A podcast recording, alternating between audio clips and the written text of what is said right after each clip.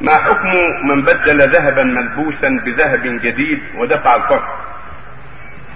ما يجوز هذا. لا بد يشتري الذهب الجديد مستقلا. أيوه. ثم يبيع الذهب الصمت والردي مستقلا. مثل ما قال النبي صلى الله عليه وسلم التمر لما قال له بلال إن اشترينا صاعين من التمر الطيب صاعين صاع من التمر الطيب وصاعين من التمر الردي. قال أو أو أو عين الربا.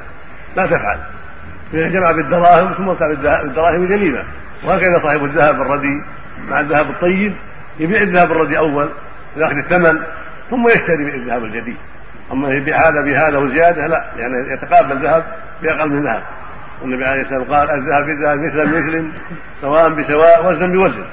فلا بد يبيع الذهب بالذهب وزنا بوزن مثلا سواء بسواء. لا يكون مع